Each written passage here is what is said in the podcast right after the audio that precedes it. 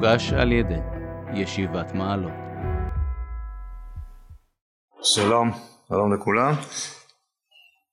מתחילים פרק חדש, אה, כמובן הוא קשור לכל מה שנמצא מסביב, אבל אה, הוא גם אה, נקודת התחלה נוחה למי שמצטרף אלינו עכשיו.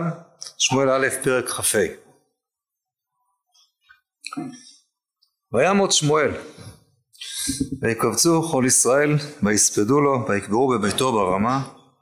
ויקום דוד וירד אל מדבר פרן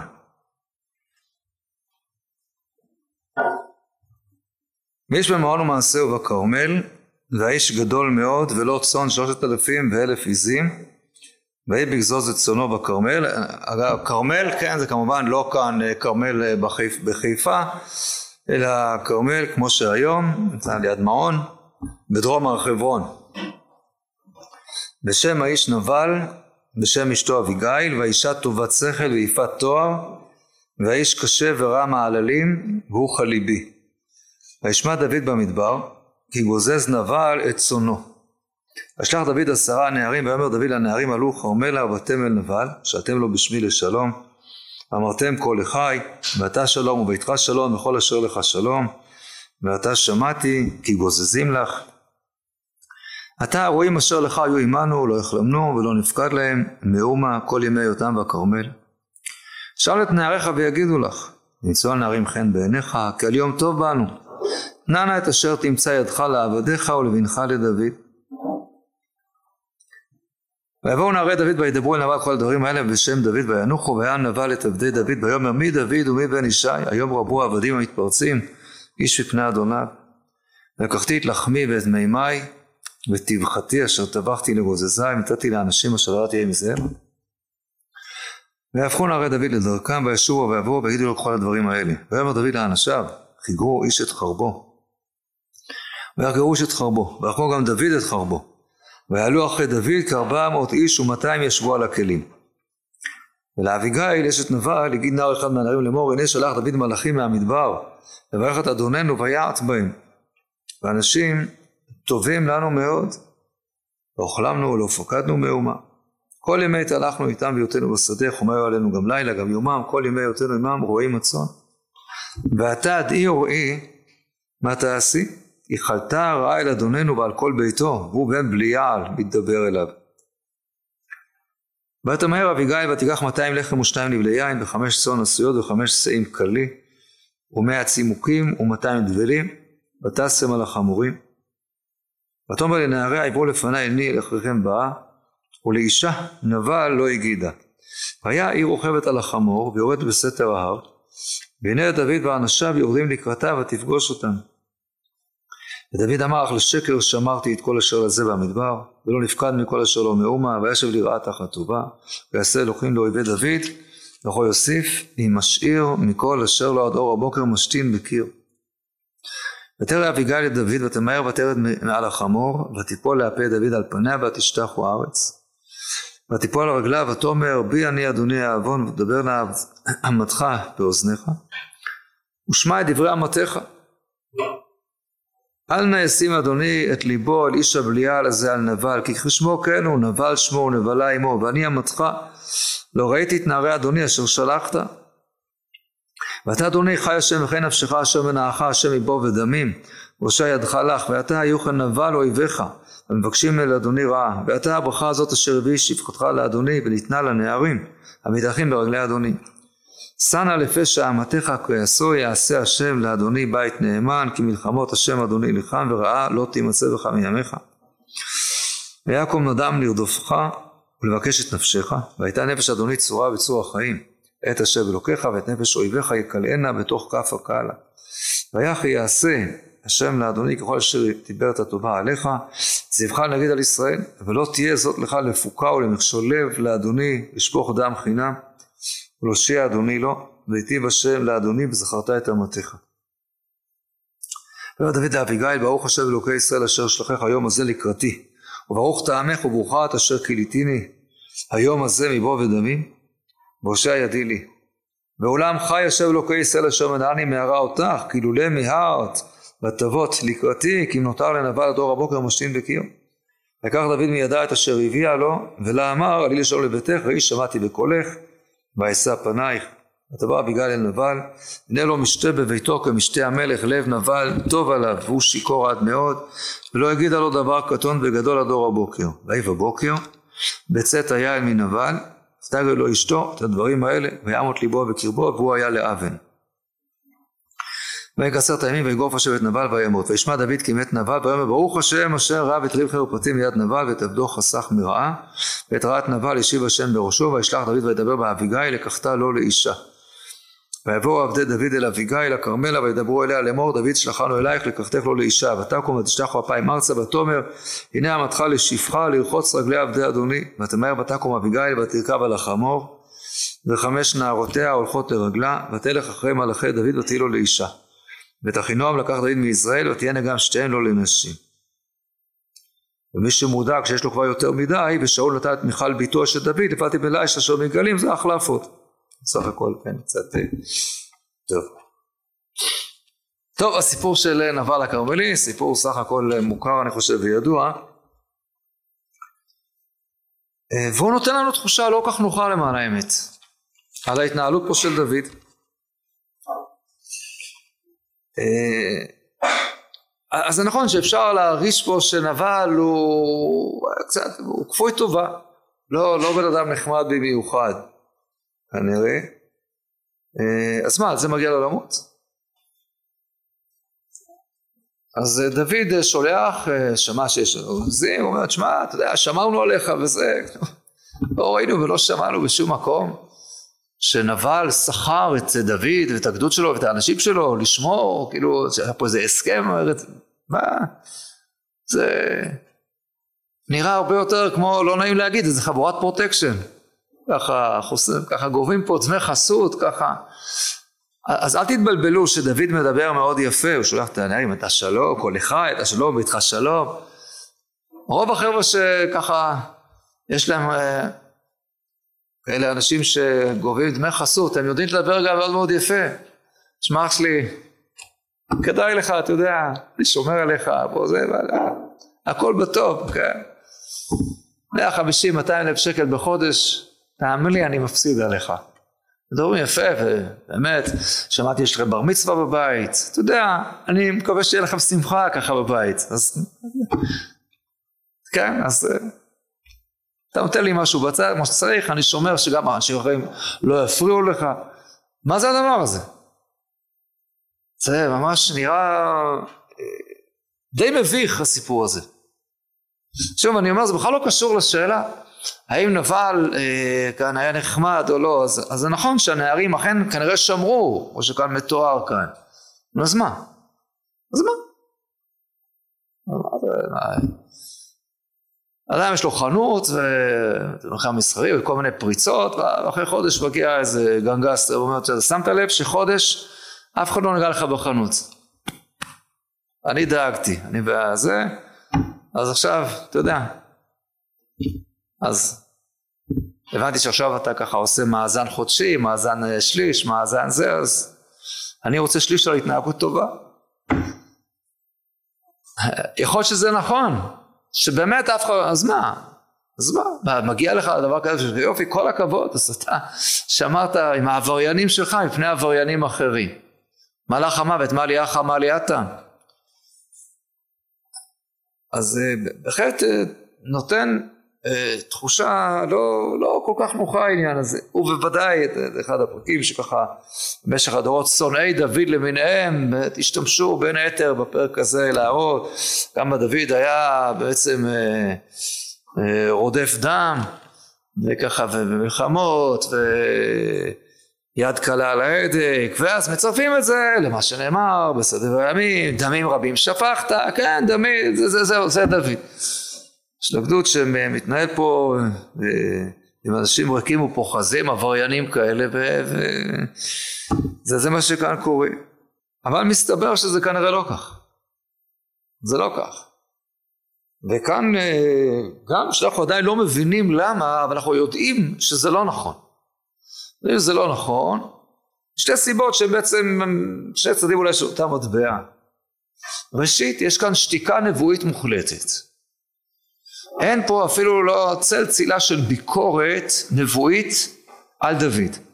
אנחנו יודעים שאין פה משוא פנים. כשדוד עושה משהו שלא בסדר, אז הוא, אז הוא חוטף ביקורת מאוד מאוד קשה, לא רק שהוא חוטף ביקורת, הוא גם נענש. אני רק אומר, זה עדיין מוקדם מדי. אנחנו באמת נמצאים בתקופה עוד מאוד מוקדמת, דוד עוד לא אה, בדיוק אה, אה, מתפקד כמלך על כל ישראל. אה, אז זה באמת עוד מוקדם. אף על פי כן אני כבר אומר עכשיו שאני לא יודע אם, להגיד בזהירות, כמה אנשים יש בכל התנ"ך כולו שנענשו כמו דוד. אה, זה אולי נשמע לכם קצת מוזר, כי לא תמיד זוכרים את העונשים, ואולי אחד העונשים הכי גדולים שדוד חוטף אה, הוא כמעט כמעט ולא ידוע, אבל אני כרגע אומר משהו שהוא אה, שטר שעדיין אני לא פורע אותו, אבל בכל אופן אני אומר גם מהדברים הידועים וכולי, אז דוד שהוא לא בסדר אז הוא מקבל על זה ביקורת ומקבל גם עונש. מקבל גם עונש. אה, ואילו כאן שום דבר. אה, שתיקה שהיא בהחלט מבחינה מסוימת שתיקה כהודאה. זאת אומרת, אני לא מדבר על זה ששמואל לא אומר לו כלום. למה שמואל לא אומר לו כאן כלום?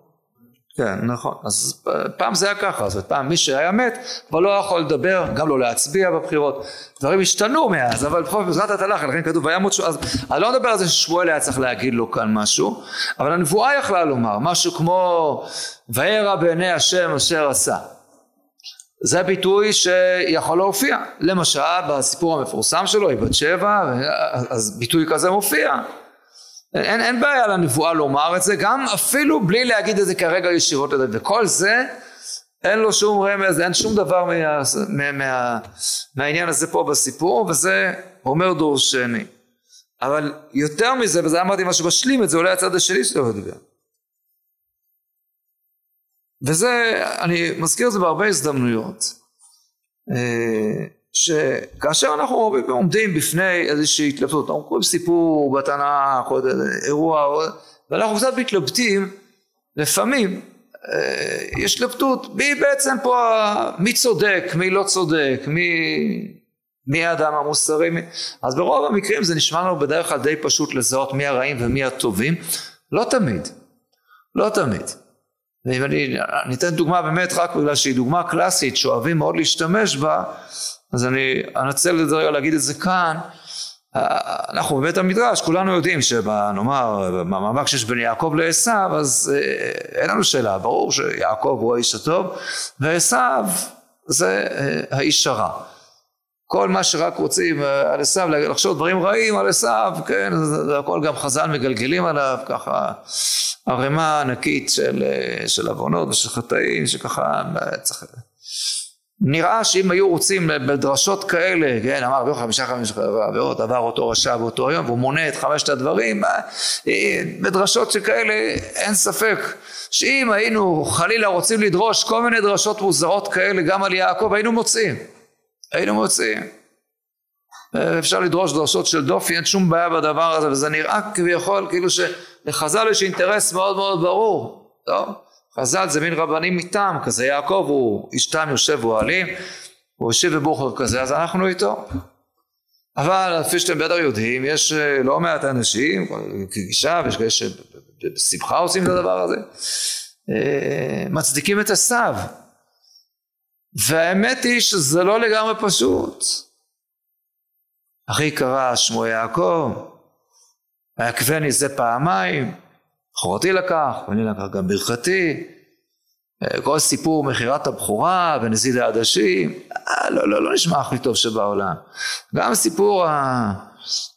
אה, גנבת הברכה עצמה עם ההתחפשות וזה, אה, זה, זה בהחלט, יש פה כל פה לשאול שאלות וכשיעקב עושה שמה אה, כל מיני קסמים שבטח היו מעלים אותו כמה שלבים בכל מיני חידונים טלוויזיוניים של זה, איך הוא מצליח עם הכבשים ולעשות שם כל מיני הוקוס פוקוסים כאלה.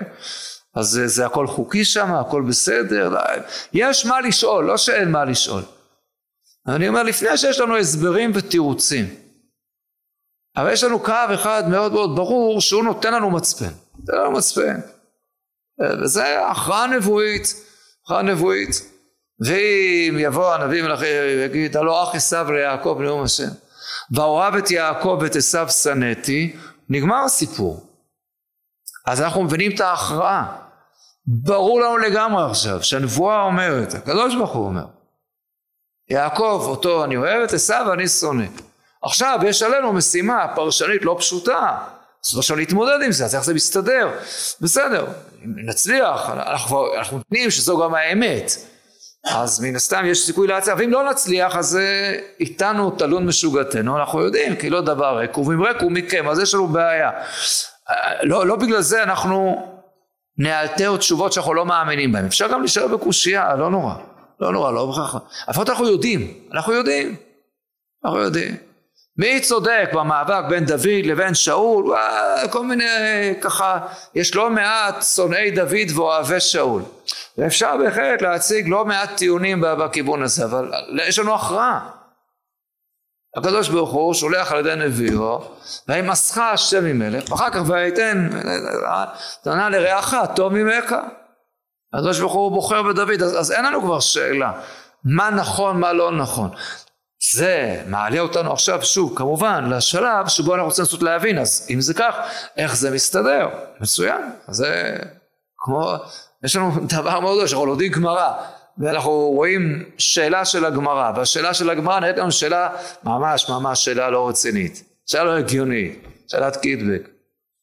אז אנחנו יודעים שזה לא נכון. אין דבר כזה אין שאלות טיפשיות בגמרא חס וחלילה גמרא זה לא עיתון הארץ, זה רציני. זה, זה לא אומר עכשיו שכבר אנחנו עכשיו יודעים להסביר כל שאלה בגמרא, אבל יש לנו עכשיו מוטיבציה, ואם לא אז נשאר בצריך עיון, בסדר, אבל אנחנו יודעים, יודעים מה האמת, האמת שזה משהו רציני, שזה, השאלה היא טובה, הראייה היא טובה, הדחייה היא חשובה, צריך להבין מה, זה, גם כאן, גם כאן, אה, הצבעת קודם, רוצה להגיד משהו? מישהו רוצה פה לשאול? גם כאן, זה שהנבואה, אה, אמרנו, לא אומרת כלום, אבל יותר מזה שהיא לא אומרת כלום. מה עושה הקדוש ברוך הוא? הקדוש ברוך הוא מתערב. ויק עשרת הימים, ויגוף השם את נבל וימות. זאת אומרת, ודוד אומר את זה, ויאמר דוד, בשמה דוד, ויאמר ברוך השם אשר רב את ריב חרפתי מיד נבל ואת עבדו חסר מרע ואת רעת נבל השיב השם בראשו אז זאת אומרת שברור לנו כאן שמה שהצגתי כאן כזה גביית דמי חסות אה, זולה, אה, עלובה ואולי פושעת היא לא הסיפור. אז, אה, אז אנחנו נחה דעתנו בשלב ראשון. ועכשיו כמובן אני אומר השלב השני שאולי הוא הרבה יותר מורכב, טוב למה לא? למה לא? זה לכאורה ממש כן נראה כך. מה כאן העניין? אז יש כמובן אפשרות אחת לומר שדוד הוא לא סתם אדם רגיל, אדם שבא לבעוט, אלא דוד הוא כבר מזמן נמשך למלך, נמשך למלך. ואם כך, ייתכן שאפשר לדון בהתנהגות כאן של נבל, לא סתם כמישהו שמסרב לשלם לאיזה ראש כנופיה, אלא זו בחינה של מרידה במלכות, מרידה במלכות. כבר אה, דוד נמשך, הוא נמשך אה, על ידי נביא, על ידי נביא שכולם מכירים בו, כולם מכירים אותו, והדבר הזה לא נעשה ככה רק אה, בלי שיודעים לחלוטין, לא מדויק. והיו לא מעט שכנראה ידעו מן הדבר הזה. אז אז אפשר ללכת בכיוון הזה, האפשרות. ובאמת יש עדים לדבר הזה. חז"ל, תארים מגילת הדיון ואת הוויכוח שיש בין דוד לבין אביגיל, בדיוק סביב הנקודה הזאת. שבעצם אביגיל אומרת, מנסה למנוע אותו מבוא בדמים, ודוד אומר, מה, מה זה, אני לא מלך? זאת אומרת לו, עדיין לא יצא טבעך בעולם. מה זה לא יצא טבעך בעולם?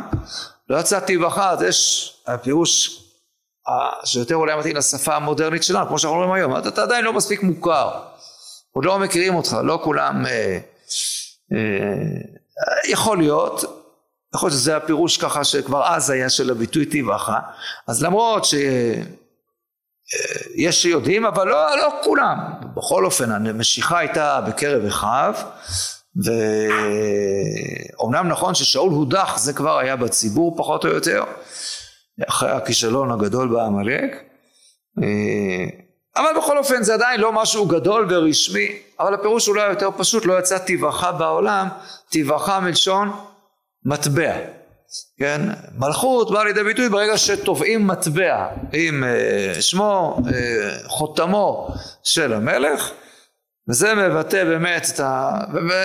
ואומרת לו אביגיל עוד לא, עוד לא, לא יצאתי בך בעולם אז יכול להיות שפה יש הדים לאפשרות הזאת וחז"ל, בכל אופן חז"ל אבל מעמידים את זה בסופו של דבר שהצדק הוא מאביגיל. זאת אומרת שהוא עוד לא ממש מורה במלכות אבל אולי ככה אה, זה איכשהו ככה אה, בחינה כזאת שנבל אולי כן היה אמור לקחת את זה בחשבון. אולי בכל אופן כיוון אה, הוא קצת, הוא קצת בעייתי. וצריך אולי לחפש פה משהו יותר עקרוני משהו יותר, יותר משמעותי פה בעניין הזה. נעיר עוד הערה שאני לא בטוח שכבר נתייחס אליה, כבר נראה אבל בכל אופן נצטרך להתייחס אליה.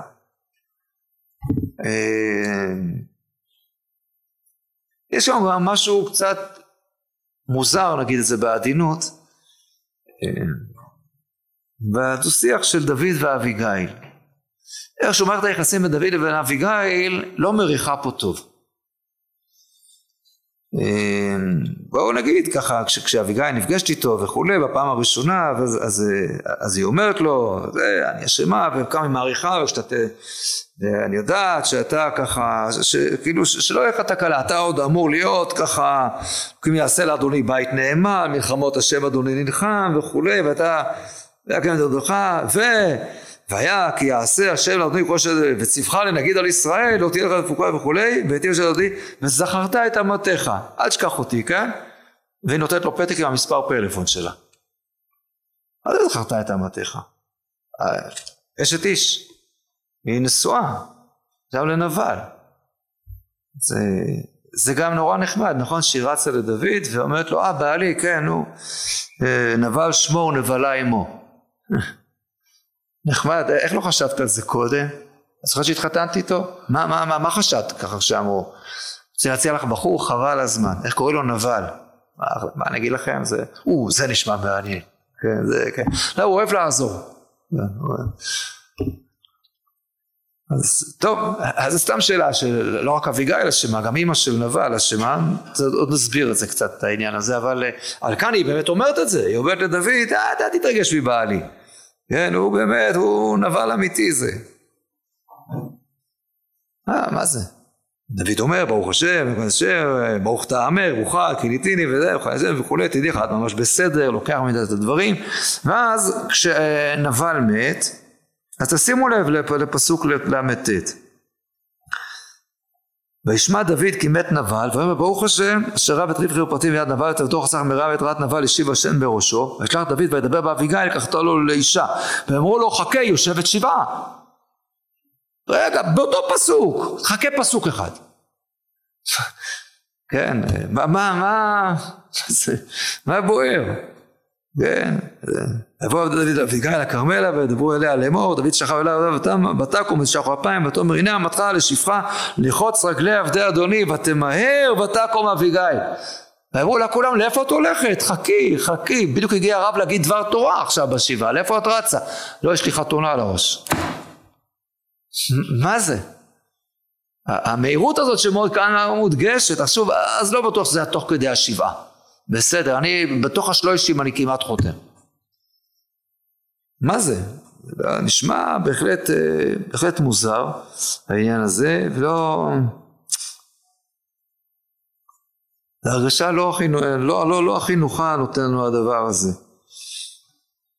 וגם, טוב, אז זה אני אומר, את זה אני כרגע אני מעיר כי קשה להתעלם מזה, שזה מופיע כאן ברוח הדברים. שוב, מי שרוצה לחפש לנגח את דוד, אז הנה העבריין שבא וזה, ובסוף בסופו של דבר גרם התקף לב מרוב לחץ לנבל, רוב שהוא איים עליו, ומאוד שהוא נלחץ, ולקח גם את אשתו בסוף הוא לוקח. זה סיפור קלאסי של עבריינים. אז כבר ראינו שזה לא ככה. אז למה לא? מה, מה, מה כאן הסיפור, לפחות של הצד של אביגיל, הוא... אני יודע שאפשר גם לפרש קצת אחרת. עצמו אביגיל, אבל אני חושב שרוח הדברים היא, היא בוודאי נשמעת כך, וזה דבר נורא. אם זה כך. אז מה פשר הדבר הזה? גם זה צריך איזשהו הסבר, ואני אומר לזה אנחנו, ככל הנראה אנחנו נצטרך להמתין לספר שמואל ב'. זה לא עוד הרבה פרקים. אנחנו כבר בסוף פרק כ"ה, זה עד ל"א, חמש שנים. בסדר, נגיע. נקודת הכובד כנראה פה של הסיפור היא המשפט שאומר כאן נבל בפסוק י' והיה נבל את עבדי דוד ויאמר מי דוד ומי בן ישי היום רבו עבדים המתפרצים איש מפני אדוניו מה זה עבדים המתפרצים איש מפני אדוניו? אז הכוונה כמובן לדוד. זאת אומרת, אם קודם הצענו שאולי דוד יכול להרגיש את עצמו כאן כמלך ולראות את נבל כמורה במלכות, מהרבה מאוד בחינות הסיפור הוא הפוך. שאול הוא המלך ודוד הוא המורד והרבה אנשים מרגישים כך. אה, כן, הסיפור הזה מוקף בפרק כ"ג ויעלו זיפים אל שאול הגבעתה לאמור הלא דוד מסתתר עמנו במצדות. ואנחנו נגיע לפרק הבא לפרק כ"ו ויבואו הזיפים אל שאול הגבעתה לאמור הלא דוד מסתתר בגבעת החיילה פני שמעון ממש דומה. ואנחנו עוד נראה שנחזור שהזיפים הם בכלל ככל נראה הם בנחלת יהודה כנראה הם בכלל משבט יהודה. והם הולכים למסור את דוד לשאול. זאת אומרת בעיני לא מעט מהאנשים בציבור אדרבה שאול הוא המלך אני כבר הזכרנו את זה הרבה פעמים למרות ששאול הודח זה לא כמו היום אין הכוונה עכשיו הדיחו אותו ועכשיו הוא הולך הביתה לכתוב ספר זיכרונות או להיות באיזה כלא ואז זה עוד יותר נוח לכתוב ספר זיכרונות. לא, לא זו הכוונה. הכוונה היא שהוא לא ממשיך כמלך פירושו של דבר שהבן שלו לא ימשיך אותו אחריו. אבל הוא ימשיך את תפקידו. הוא ממשיך בתפקידו עד מותו. עד מותו ממש, הוא נופל בקרב למען הצלת ישראל בתור מלך ישראל. אלא שלא יהיה המשך. אבל ללכת הביתה אז אין דבר כזה. ולכן באמת שאול ממשיך, יש לו את הצבא שלו, צבא ישראל, אנחנו רואים בכל המרדפים האלה אחרי דוד, הוא, הוא, שאול הוא המלך, וגם דוד מכיר בזה. וכשאנשים שלו רוצים לפגוע ב, ב, בשאול, אז ראינו, זה, זה, זה מה שככה דוד אומר בשום פנים ואופן. חלילה לי מהשם אעשה את הדבר הזה, אלא אדוני למשיח השם, לשלוח ידי בו, כי משיח השם הוא. אי אפשר. לא אשלב אתה ואמר לא אשלח ידי כי משיח השם הוא. הוא חוזר על זה שוב ושוב ושוב ושוב על הדבר הזה. ידי לא תהיה בך. הוא, שאול הוא משיח השם, הוא נמשך. אה, זה לא בטל. ואם כך אומר אה, נבל, הוא עבד, מתפרץ, בורח מהאדון שלו, מורד, הוא, הוא מגיע לעונש מוות בכלל. העבריין הנמלט הזה, הוא באמת נמלט. הוא לא עבריין, מבחינת נבל הוא עבריין נמלט. וזה כמובן הפירוש הפשוט למה שאומר נבל. אה, ושוב כמובן זה, כולנו יודעים שזה לא נכון. ודוד הוא אדרבה הוא שומר על שאול ולא מוכן לגעת בו וכפי שראינו וכפי שהוכח אבל לא בטוח אולי שכולם אמורים לדעת את זה לא בטוח שנבל אמור לדעת בדיוק מה היה שם במערה עם כריתת כנף המעיל לא, לא, לא, לא ברור שזה דבר שהיה לו פרסום מניסה גדול והוא נמצא שם באזור במדבריות שם נגיד דרום הר חברון כל האזור הזה שדוד בורח וכולי מה שהוא יודע ששאול והצבא שלו רודפים אחרי דוד. אז הוא אומר, דוד, מה זה, זה, הוא עבד מתפרץ לפני אדונו. והיא דוד מבן ישי. אז זה בכלל, זה, זה, הפירוש המקובל לפסוק הזה, הוא בוודאי פירוש גם נכון. אבל אם, גם על זה אני אומר ש... קשה לומר שעל פסוק כזה, על הסבר כזה, מגיע לנבל עונש מוות. כי אמרנו, לא, לא, לא מעט אנשים באמת רואים את, ה, את המציאות בצורה הזאת. אני רוצה פה בעקבות דברים של הרב מדן, שהפירוש הוא שונה. כלומר, מה זה היום רבו עבדים את זה איש מפני אדם. גם ה, הלשון הזאת בלשון הרבים היא קצת מוזרה אם מדובר על דוד. כן, כמה יש עוד כמו דוד? דוד הוא, הוא זה שמתפרץ לפני אדונו. אבל למה בלשון רבים? אלא שהכוונה פה של נבל היא גם שונה. חוץ מדוד הוא מתפרט, מתכוון למשהו הרבה יותר קריטי. אני חוזר על הדברים שקצת עמדנו עליהם. גדוד העבריינים הזה של דוד, האם באמת אנחנו מדברים פה על איזה אה, גדוד של עבריינים? והדבר הזה נחזור רגע לפסוקים שכבר עמדנו עליהם. פרק כ"ב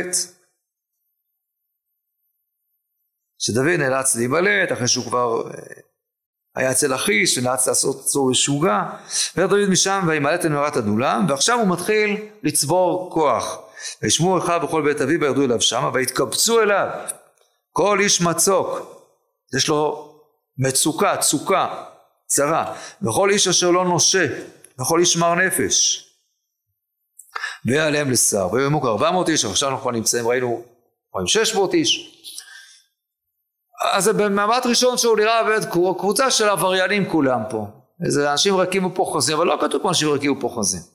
הביטוי רכים ופוחזים נמצא, יש. אבימלך מתווספים אליו כאלה, אז באמת כל מיני אנשים שגם מוכנים להיות בקלות שכירי חרב, להרוג שם 70 מאחיו על אבן אחת, פה מדובר על משהו אחר.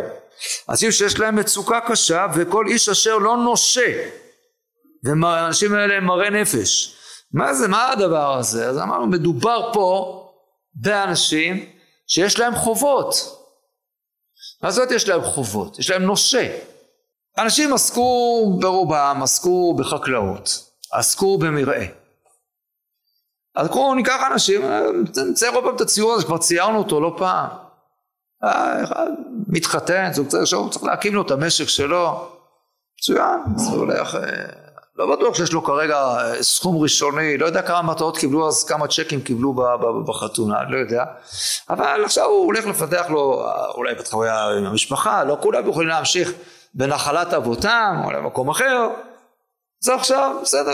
אז הוא צריך לרכוש לעצמו איזה חלקת אדמה, ושתילים, ופועלים, כל מיני דברים שכאלה שהוא צריך לשלם על זה.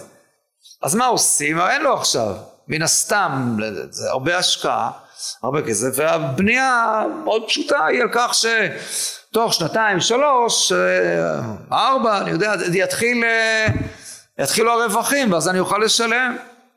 זה מה שעושים, אז לוקחים הלוואה, אולי אפילו הלוואה רצינית, אבל בסדר, זה טבעי וזה הגיוני, באמת מי שעובד טוב, אחר כך מצליח אה, להחזיר ולהרוויח ולהתקיים בכבוד כמו שצריך, כנ"ל אם הוא רוצה עכשיו להיות שהוא רועה צאן באזור שם, אז עכשיו לרכוש כמה ראשים, כמה ראשי בקר, כמה פרים, כל מיני דברים, ו- ואולי גם, אה, גם רועים, ולהקים אה, מכלאות וגדרות, בקיצור, צריך אה, על הדבר הזה, יכול להיות, הוא לוקח אולי גם משק של חלל, אז גבינות, אז לוקחים לזה. לוקחים לזה הלוואה רצינית, וזה עמוק, בדרך הטבע ככה זה עובד. אחרי כמה זמן אתה מצליח ככה להחזיר את החובות בצורה טבעית, אבל מה שקורה, בעיקר באזור הזה כאן, שדרום הארץ שבו דוד מסתובב עם אנשיו, תוהו ובוהו, בוקה מבולקה, יש שם אינתיפאדה חקלאית נוראית, הפלישתים עושים שם ככל אשר עולה ונאוכה, ולא רק הם, הפלישתים והעמלקים והמונים, כל מיני ככה שוכני המדבריות, שודדים למיניהם, אה, והם אה, לוקחים, אנחנו מקבלים כמה וכמה חלונות הצצה סביב הדבר הזה. אה, דוד שומע בקהילה, הנה הפלישתים שוסים את הגרנות בקהילה. או למשל ראינו את ה... מרדף ששאול בסוף פרק כ"ג בסלע המחלוקות ככה שכמעט כמעט ככה שאול באנשיו מפה דוד זה כמעט תופס אותו ומה הגיעה השמועה? הוא מלך בא אל שאול לאמור מערב עליך כי פשטו פלישתים על הארץ הפלישתים משתוללים שם לוקחים ועכשיו למה זה קורה בין היתר? איפה הצבא? הצבא עסוק בלרדוף אחרי נערי הגבעות, סליחה, אחרי דוד והגדוד שלו, הם אויבי המדינה. אחריהם שאול רודף עם כל, ה, עם כל הנבחרת שלו. שלושת אלפים איש בחור, אנשים המובחרים, שאול ב, ב, ב, ב, באמת ב, עם הרוח הרעה שלו, את כל המאמצים נעשים נגד דוד ואנשיו, ובגדול כל האזור מופקר. עכשיו ניקח אדם כזה, לקח הלוואה רצינית וכבר השקיע בזה וכבר יש כבר תוצרת, כשברגע שיש תוצרת פתאום מגיע איזה גדוד פלישתי ומחריב, לוקח את הכל, מראה את עכשיו, מה, מה הוא עושה עכשיו? יכול להיות שככה משהו בנה, שנתיים שלוש ירד לטבעון, אז הוא מהר צריך לקחת עוד עליו ועוד לשקם משהו וזה קורה עוד פעם, נו מה יעשה עכשיו? אין ביטוח לאומי. מה, מה, מה הוא יעשה עכשיו? אז uh, אנשים נכנסים לחובות, לחובות גדולים, ואין להם דרך לצאת מזה. עכשיו תראו, פריאת בעל חוב מצווה, זה לא, זה, התורה לא מזלזלת בזה חלילה, צריך לפרוע חוב. לא רק זה, אלא בדין גם יורדים לנכסיו, אפילו מגלימה דעל כתפי. כאילו, כן, לא, לקחת הלוואה, צריך להחזיר, זה נכון, אבל, יש גם אבל. עד ולא עד בכלל. לא לוקחים נפשות. לא לוקחים בן אדם בחובו. או את האדם, או את ילדיו, או את אשתו, עד כאן. אין דבר כזה. התורה לא מקבלת. יש גבול. אדם יכול להימכר לעבד בחובו רק אם החוב הגיע בצורה לא ישרה. כן, אדם שמה? שנמכר בגנבתו. נמכר בגנבתו. אם גנבת וזה, אז אתה נמכר. אבל אם לא בגנבתו, אז אין, אין דבר כזה. והתורה נלחמת נגד הדבר הזה. הפרשת כי תצא, אפילו הכלים, כן, לא יחבול לחיים ברכב, כי נפש הוא חובל. גם סמיכות הפרשיות שם, כי ייקח איש אישה חדשה, אתה יודע, לא יחבול לחיים ברכב, מה זה קשור? בדיוק הנקודה, אדם לקח אישה חדשה, בונה בית עכשיו, לא כל אחד בא, והוא יכול להסתבך בחובה, ויצאו למלחמה. וגם זה, אדם, נגיד אפילו לא הגיעו הפלישתים או משהו שכזה. סתם יש לו עכשיו ככה יש לו מטעים ויש לו זה ועכשיו הגיע בדיוק עונת הבציר נאמר יודע של הכרמים שלו. יש מלא פירות על הזה. ופתאום יש מלחמה מול ארם לא קשור לפלישתים בכלל. בסדר שמונה מגייסים אותו שלושה חודשים הוא נמצא שם. עכשיו מלחמה גדולה עם דוד הכל ניצחון נפלא אומרים מזמורי תהילים. ובינתיים כל היבול שלו ירד לטיביון נוצרים חובות התורה אומרת אפילו בהכלים לא יחבול ריחיים ברכב כי רכב הוא רובה ואחר כך הדבר הבא הפסוק הבא כי ימצא איש גונב נפש באחד בני ישראל ויתעמר ברוחו ומת הגנב ההוא. כן פתאום לוקחים נפשות. התורה נלחמת נגד הדבר הזה. צריך להחזיר חוב אבל אם חוב שלא אז עד זהו לא לוקחים את הבן אדם עצמו.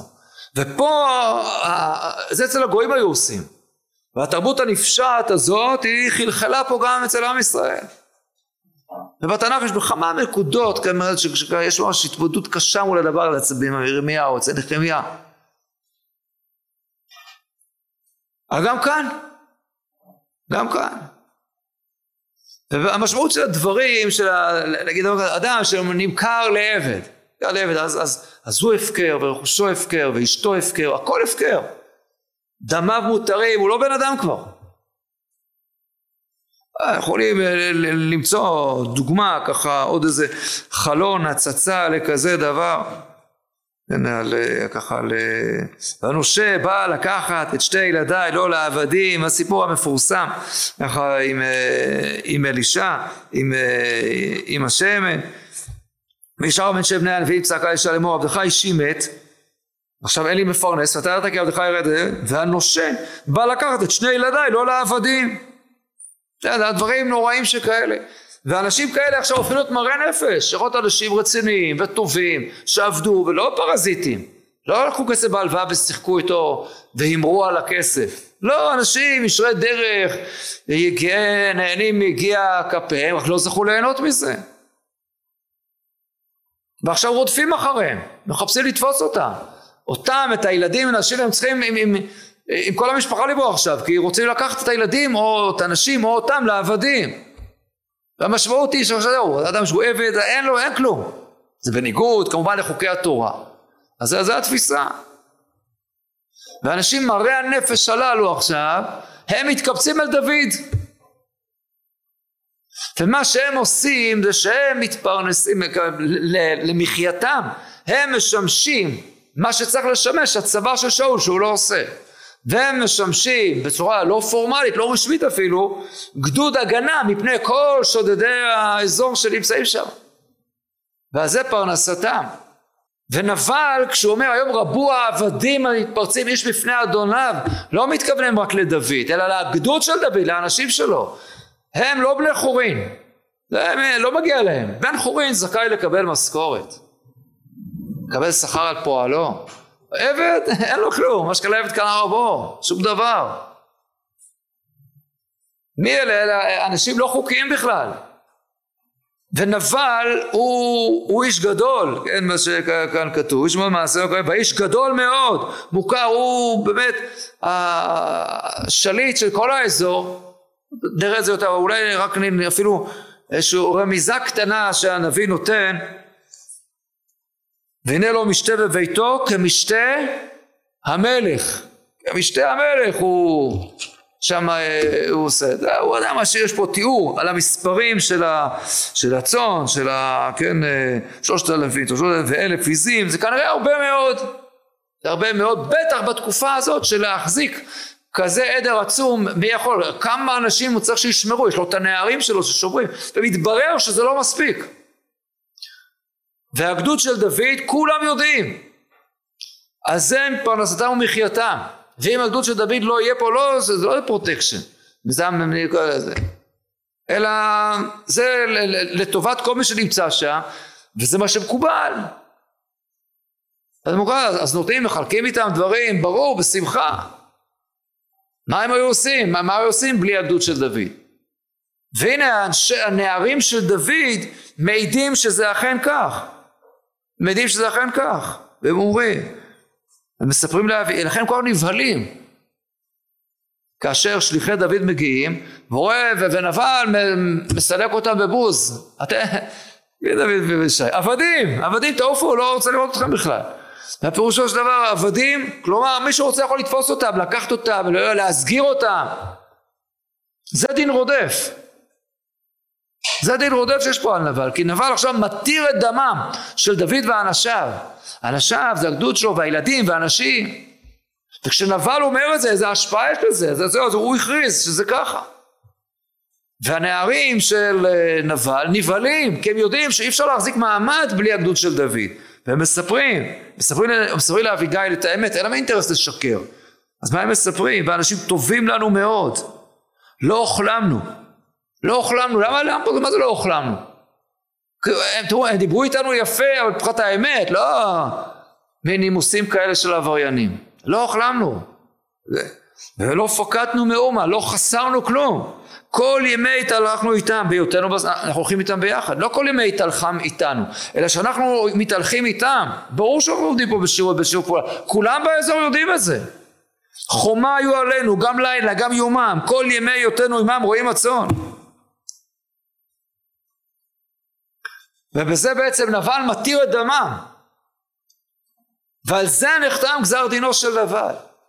רק אביגיל אומרת לו זה לא רשמית לגמרי אז אל תעשה שיהיה לך לפוקה לזה אבל הקדוש ברוך הוא מצדיק אותו. ודוד אומר את הדבר הזה כן? כשדוד שומע את הדבר הזה ירדתי לאנשיו חיגרו, ודוד אמר, לשווא, שאמרתי את כל אשר, לשקר שאמרתי את כל אשר לזה במדבר, לא נפקד מכל אשר לא מאומה, וישב לי רעה תחת טובה. הוא נשבע, כי הוא יעשה לו כאילו הביא דוד יכול לעשות לו שבועה, ועל זה מגיע לו, כי, כי הוא עכשיו, הוא הכריז על הראש שלנו, פרס על הראש שלנו. אז דוד, הוא זכה לגיבוי נבואי.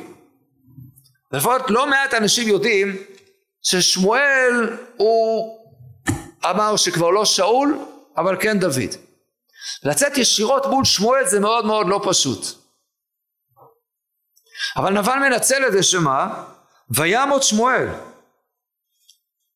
וברגע שמת שמואל אז ניתן גם להבין כאילו מי שרוצה להגיד את הדבר הזה. הנה הנבואה שלו לא התקיימה. שמואל מת ושאול נשאר בחיים סימן שזה לא נכון. אז דוד הוא עבד מתפרץ. זה סמיכות הפרשיות, ויעמוד שמואל, ויקום דוד וירד אל מדבר פרן. אתה ישבת קודם בשבילך, עכשיו הוא דוד חייב עכשיו להתרחק, הוא מבין עכשיו ששמואל שהיה לפחות בעיני חלק מהאנשים הוא זה שנתן את האישור המוסרי הנבואי הרוחני לדוד הוא איננו ונבל את הדבר הזה כאן מנצל ועל הדבר הזה באמת ה... כן, אה, הקדוש ברוך הוא מסכים, מסכים עם דוד. אביגיל אומרת אל תעשה את זה בצורה כזאת. עוד לא, עוד לא, זה, זה לא, אתה יודע, זה, זה בכל אופן מין תחום אפור שכזה. אבל דוד מרגיש עכשיו שהוא ממש עכשיו רדוף על ידי נבל. ואני אגיד גם משהו על השם נבל. השמות בתנ"ך הם שמות נבואיים. כן, שברור שהוא אז גם הרבה פעמים, אני יודע, אני, אוקיי. זו דוגמה שאני אוהב להביא, אני ניקח את קושן רשעתיים, מלך ארם נהריים, אני איכשהו מכמה סיבות, קשה לי להאמין כשהוא נולד, אז אני לא יכול להגיד מה אבא אמר בברית, כי הבחור לא היה יהודי ממש, אבל בכל אופן, אה, בטח שזה מסיבה נולד, שואל, נו, ואיך קוראים לילד? קושן רשעתיים. מקורי, מקורי, כן, ככה, שם יפה, ככה, אה, לא, לא נראה שזה כך קראו לו. אז יכול להיות לפעמים אז הנבואה לפעמים כאילו קצת משנה, עד ככה בטח אולי שם קצת דומה וזה נדרש, טוב, אבל יש דברים שממש נבואים לגמרי כאילו שאתה מבין שאנחנו קוראים עכשיו פרשת בראשית, יש כל כך הרבה שמות כ, כידוע. מה השם הזה נבל? זה דבר מאוד מאוד מוזר, נבלה. אבל לביטוי לנבל יכול להיות גם דבר נוסף. אה, הבן אדם שם נמצא באזור ככה דרום הר חברון, יש שם גידולי גפנים רבים, שבט יהודה יתברך בגפנים, בעינות, יקבים, עד היום, ככה עד היום. ויכול להיות שהוא נקרא, נקרא ככה על שם זה שהוא מילא, מה? הוא עוסק ביין, הוא ממלא קדים של יין, כשהקדים של יין נקראים גם נבלי יין. ראיה לדבר, בפרק שלנו, בואו נראה מה, מה אביגיל נותנת לו, מה היא מביאה, אז תראו את uh, פסוק י"ח, ותמהר אביגיל, ותיקח 200 לחם ושניים נבלי יין, אה, אז היא מביאה גם נבלי יין. אז נראה שקראו לו נבל, לא על שם זה שנבלה עמו, כן? אלא על שם זה שהוא ככה אה, במשפחה אולי, גידלו יין, ככה, אה, אבל כאשר רואה אביגיל שהיין הזה מחמיץ, אז היא אומרת, כן, הוא נבל ונבלה עמו. וזה מה שבאמת קורה במשתה. מה קורה במשתה? במשתה? ולב נבל טוב עליו, עכשיו הוא מלא ביין, ואז מה קורה בבוקר? היה בוקר בצאת היין מנבל. אתם מבינים פה את משחק המילים? כן, בצאת היין מנבל. אז אה, בצאת היין מנבל, אולי הוא הקיא, אולי, אולי זה התאדה, אבל כאילו היין יוצא מהנבל, כן, מה, מהכלי שלו, הוא נשאר, נשאר בלי כלום, אהב את ליבו בקרבו והוא היה לעוול. אז לכן באמת אה, נבל מבין, ש... אופ, אני ככה הסתבכתי פה, והוא חושב שעכשיו דוד יהרוג אותו, לא ברור לגמרי מה בדיוק אמרה לו אביגיל, את מה היא בדיוק סיפרה לו. כן, אז uh, כתוב שככה ויהי בבוקר יוצא את הנעל ותגל לשאול את הדברים האלה. מה זה הדברים האלה? ניתן לפרש פה כמה פירושים. אבל איך שלא יהיה, נבל מבין שהוא הסתבך, אבל לא מדוד דווקא. ומי שבאמת uh, מעניש אותו, ובצדק מוחלט כמובן, זה הקדוש ברוך הוא. ומיד דוד אומר, ברוך השם אשר רב את ריב חרפתי מיד נבל. ואת עבדו חסר מרע ואת רעת נבל השיב השם בראשו. השם ישיב בראשו, כי באמת על זה, זה מגיע לעונש מיתה, לפחות מיתה בידי שמיים, הסיפור הזה. טוב, הסיפור של דוד ואביגיל אמרנו, אה, זה דבר שעדיין לא נגענו בו, בעזרת השם, בעיתו ובזמנו.